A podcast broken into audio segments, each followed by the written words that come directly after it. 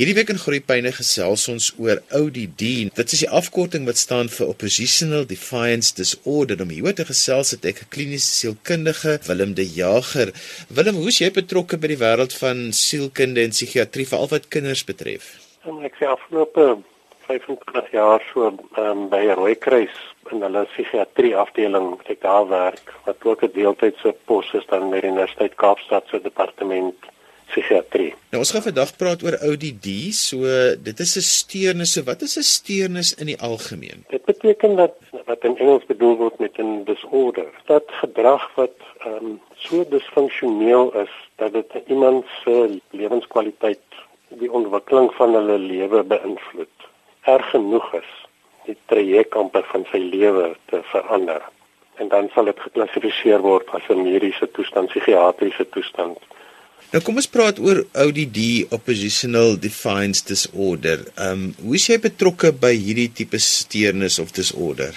Hierdie kondisie, sal ek sê, is besig om ongelooflik toe te neem in ons land. Ehm um, ons het gekyk na die verwysings na ons eenheid. En ons is een van drie kinderadolessente eenhede in in Kaapstad van van die ehm um, Weskaapse onder uh, gesondheidsdepartement. En waar die wêreldwye tendens sê dit is sinema tussen 2 3 4% van kinders behoort uh, kan is moontlik om hier aan te lei. Ehm um, vind ons in die, in die, in sekere uh, groepering in die Weskaap dat daar word navorsing het gewys in, in 2006 dat 6% van kinders in die Weskaap moontlik hieraan mag lei.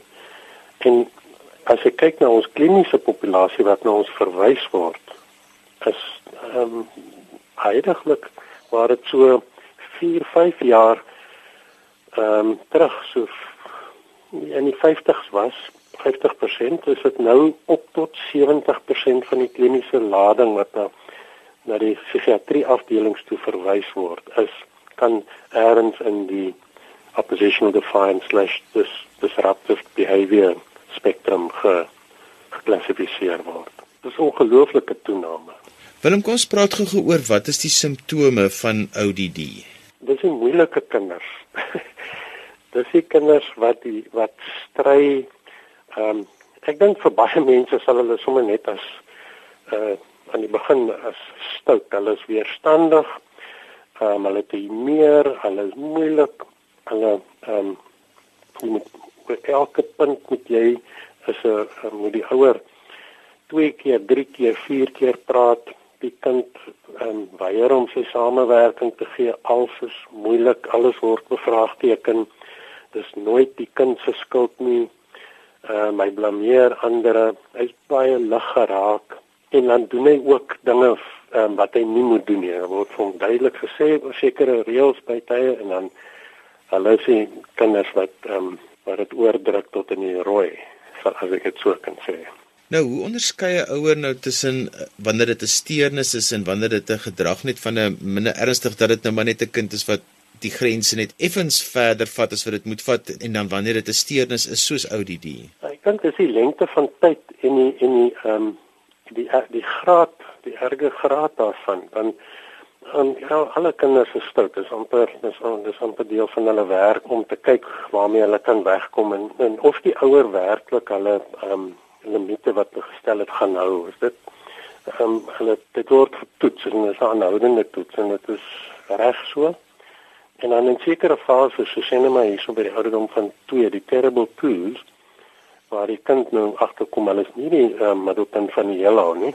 Ehm um, en hulle is tamelik geskok en hulle moet ehm um, nou ehm um, hulle is uh, baie kwaad daaroor as ek dit so kan sê nou kry jy die sogenaamde tantrums wat mens baie maal sien en dan die die, die jong adolescent wat nou regtig ehm um, begin wegbreek van sy ouers se uh, se norme en waardes en die stelsel wat op hom van toepassing is in, 'n normale ontwikkelingsfase. Die daar sulke fases waar jy kinders sal baie meer ehm um, die ouers uh, beproef, as ek dit so sê, en toets. En so dit gebeur al langs die pad uh, met elke kind. Ehm um, kinders jaag aan as hy hom maar hierdie kinders doen dit op 'n aanhoudende deurlopende manier meestal in alle fases of aspekte van hulle lewe fases en aspekte hulle sal dit by die huis doen by die skool hulle moeilike kinders hulle ehm um, heeltyd in die moeilikheid op die rand baie keer van hom geskort te word of ehm um, vir tydelike sanksies ingestel te word teen hulle. Daar's allerlei so ja, dit dit is iets wat in sin in Engels bewys het so in alle aspekte van hulle lewe speel dit 'n rol. Nou is daar 'n verband tussen iets soos voelt ADHD, fetale alkoholsindroom en outisme met ODD of is dit heeltemal apart? ODD soos wat dit verstaan word, het 'n klomp komorbiede toestande en is amper ehm um, ons weet dat ADHD baie van groot as iets soos 50-60% van die kinders met ADHD sal ook met ODD presenteer. Ehm um, ons weet dat sekere kinders wat met met 'n liggraad autisme wat nie altyd maklik opgetel word sommer net op 'n diagnose duidelike diagnose nie gaan presenteer en hulle gaan as moeilike kinders geklassifiseer word. So daar is 'n komorbiede toestand. Daar's kinders wat ehm um, depres, depressief is en wat geïrriteerd is en ongelukkig is en hulle wil die, hulle wil die iets daaraan doen so hulle hulle krap aan die omgewing, aan hulle ouers, aan hulle ehm um, hulle is moeilik want hulle is werklik ongelukkig. Dis eintlik uit 'n gemoedstoestand wat dit waar uit dit vandaan kom. En dan sal hulle en so dit daar dis waar die ehm um, waar dit aan mekaar raak hierdie toestande. Weet jy nie van ehm um, FAS kinders sal ook miskien maar dit is wel natuurlik vir autisme en FAS is dan nou en en ADHD is daar baie meer organiese uh, basis vir hoekom die kinders nou so optree. So hulle brein natuurlik gestruktureer is. Hoe word sulke kinders gehelp en is daar hulp en is daar behandeling wat 'n mens kan gee?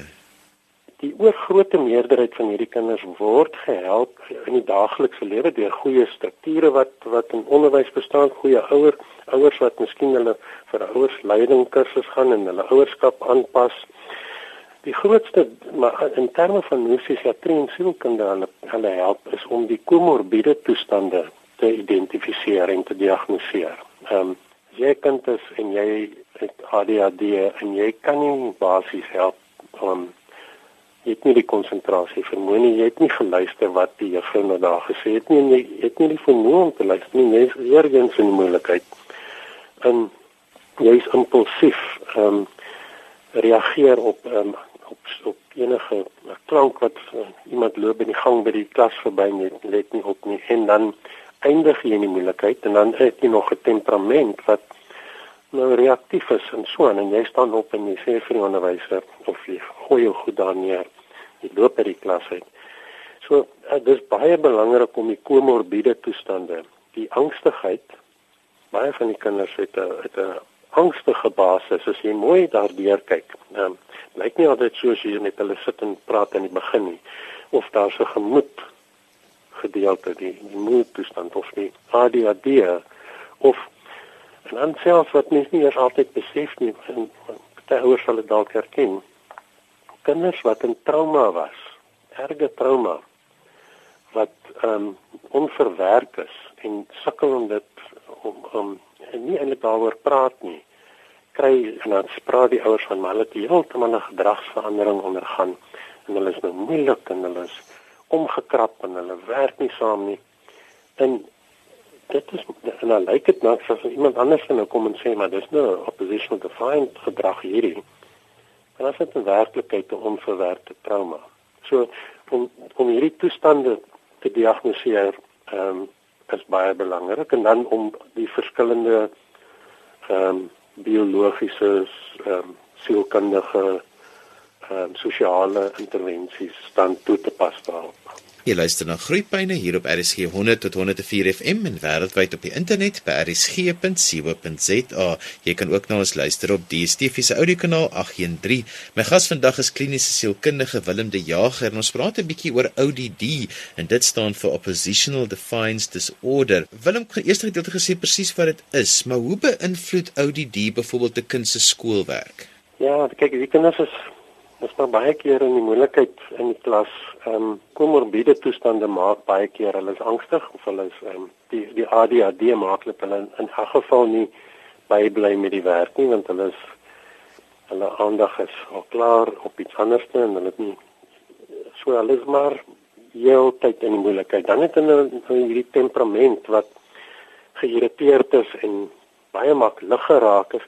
Ek dink die die term wat baie keer gebruik word is mens loop op eiers of net aan eggshells op om hulle en hulle is baie reaktief. Ehm um, en dan wil hulle altyd stry en as die juffrou iets sê of hulle aandag op hulle vestig omdat hulle iets verkeerd gedoen het, dan het hulle iets terug te sê. Ehm um, en daar's 'n uitdagendheid van autoriteit. Hulle is oppositioneel om nou die reëls na te kom. So hulle is maar die kinders wat baie gereeld in die moeilikheid eindig. Ehm um, almal weet van die een of twee of drie kinders in die klas of so wat normaal net altyd in die moeilikheid is. So dit skoolwerk raak dan baie keer moeilik en as dit nou op 'n erge graad is, omdat daar nie altyd baie goeie ehm um, as nie opleiding van onderwysers nie, daar's nie sisteme vir hulle gegee oor hoe om uh, met uh, hierdie moeilike kinders te werk nie. Hulle sit met groot hoeveelheid kinders in hulle klas wat dit in elk geval om om half onmoontlik vir onderwyseres maar onderwyser maak. Ehm um, dan word die kinders baie keer maar uit die klas uitgestuur. As die onderwyser uitgedaag word so voor die klas is dit baie ehm um, ontstellend en dan uh, word die kind uitgestuur. Die kind raak agter in die werk en soos word sekere siklusse so aan die gang gestel. Is daar byvoorbeeld 'n anderste gedrag by die huis vir sulke kinders as byvoorbeeld in die skool? Jy kry kinders wat uh, meer sê dit by die huis ehm um, sal daarmee sal presenteer. Ehm um, jy sal weer byvoorbeeld kinders kry wat miskien meer met dit by, by die skool presenteer want dan dan vermoed mense onmiddellik ek een van die komorbiede toestande wat ek nou nog nie genoem het nie is is 'n spesifieke leerstoornis.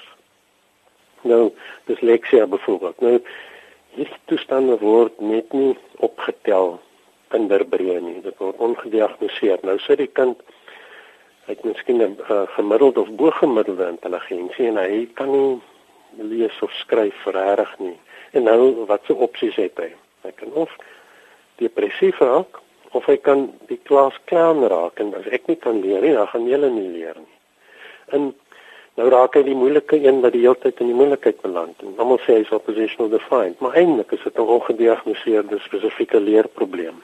En dit is 'n enorme probleem in ons onderwysstelsel. Wil ek wil juist daarby optel is moet sulke kinders dan in hoofstroom bly of moet hulle na 'n spesifieke skool toe gaan wat voorsiening maak vir kinders met sulke behoeftes? Nee, ek dink dat die groot hoeveelheid die oorgrootste meerderheid word gehelp deur ehm um, deur die weet hulle gaan sien ehm um, voorligters en counselors en die familie gaan sien hoeveel kundige ehm um, doen die ouers doen kursusse ehm um, die die die toestande komorbiede toestande kan dalk gemedikeer word. Jy kry ehm um, dit ADHD reageer baie baie goed op Ritalin so dit is die regte dosis en dit reg toegepas word maar so die oorgrootste meerderheid kan gehelp word en die, en daar word en onderwysers moet gehelp word om hoe om jy hierdie tipe kinders te benader. Daar is breër riglyne ehm um, wat mense waar hulle begin nou al hoe meer kursusse skep om onderwysers te help want ons weet dit is teen die wet om kinders te slaan. Ons weet die navorsing wys ehm um, 93% van die navorsing in 'n ekstensiewe um, review wat in 2012 gedoen is vir Amerika en trek die lyne tussen byvoorbeeld geweld ehm um, op om op kinders te pas en dan uh, probleme deur die deur die kinders deur mense se lewe. Maar so die dis nou weggeneem van die van die ouers se ag van die onderwysers se maniere om te reageer. En want daar's nie altyd vir hulle goeie alternatiewe gestel nie. So die meeste van die kinders word gehelp van die erge ODD kinders. Hulle wat oorgaan amper na die grens na ehm um, wat in die ou tyd delinquency en nou in in conduct disorder genoem word. Dis nou die kinders wat nou die wet begin oortree en dit raak nou erg. Hulle ehm um, is nie net oppositioneel nie, hulle verbreek die gemeenskap en die sosiale wette. Ehm um, dan raak dit nou moeilik om die kinders want hulle um, het 'n geweldige impak op die op hulle omgewing. Kom ons gee 'n bietjie wenke vir ouers en onderwysers om hierdie te hanteer en wat moet hulle weet? Wat is die is daar bronne wat 'n mens kan raadpleeg daardie pad wat 'n mens moet stap? Ja, ek het almal kyk seker maar deesdae na Dr. Google, né?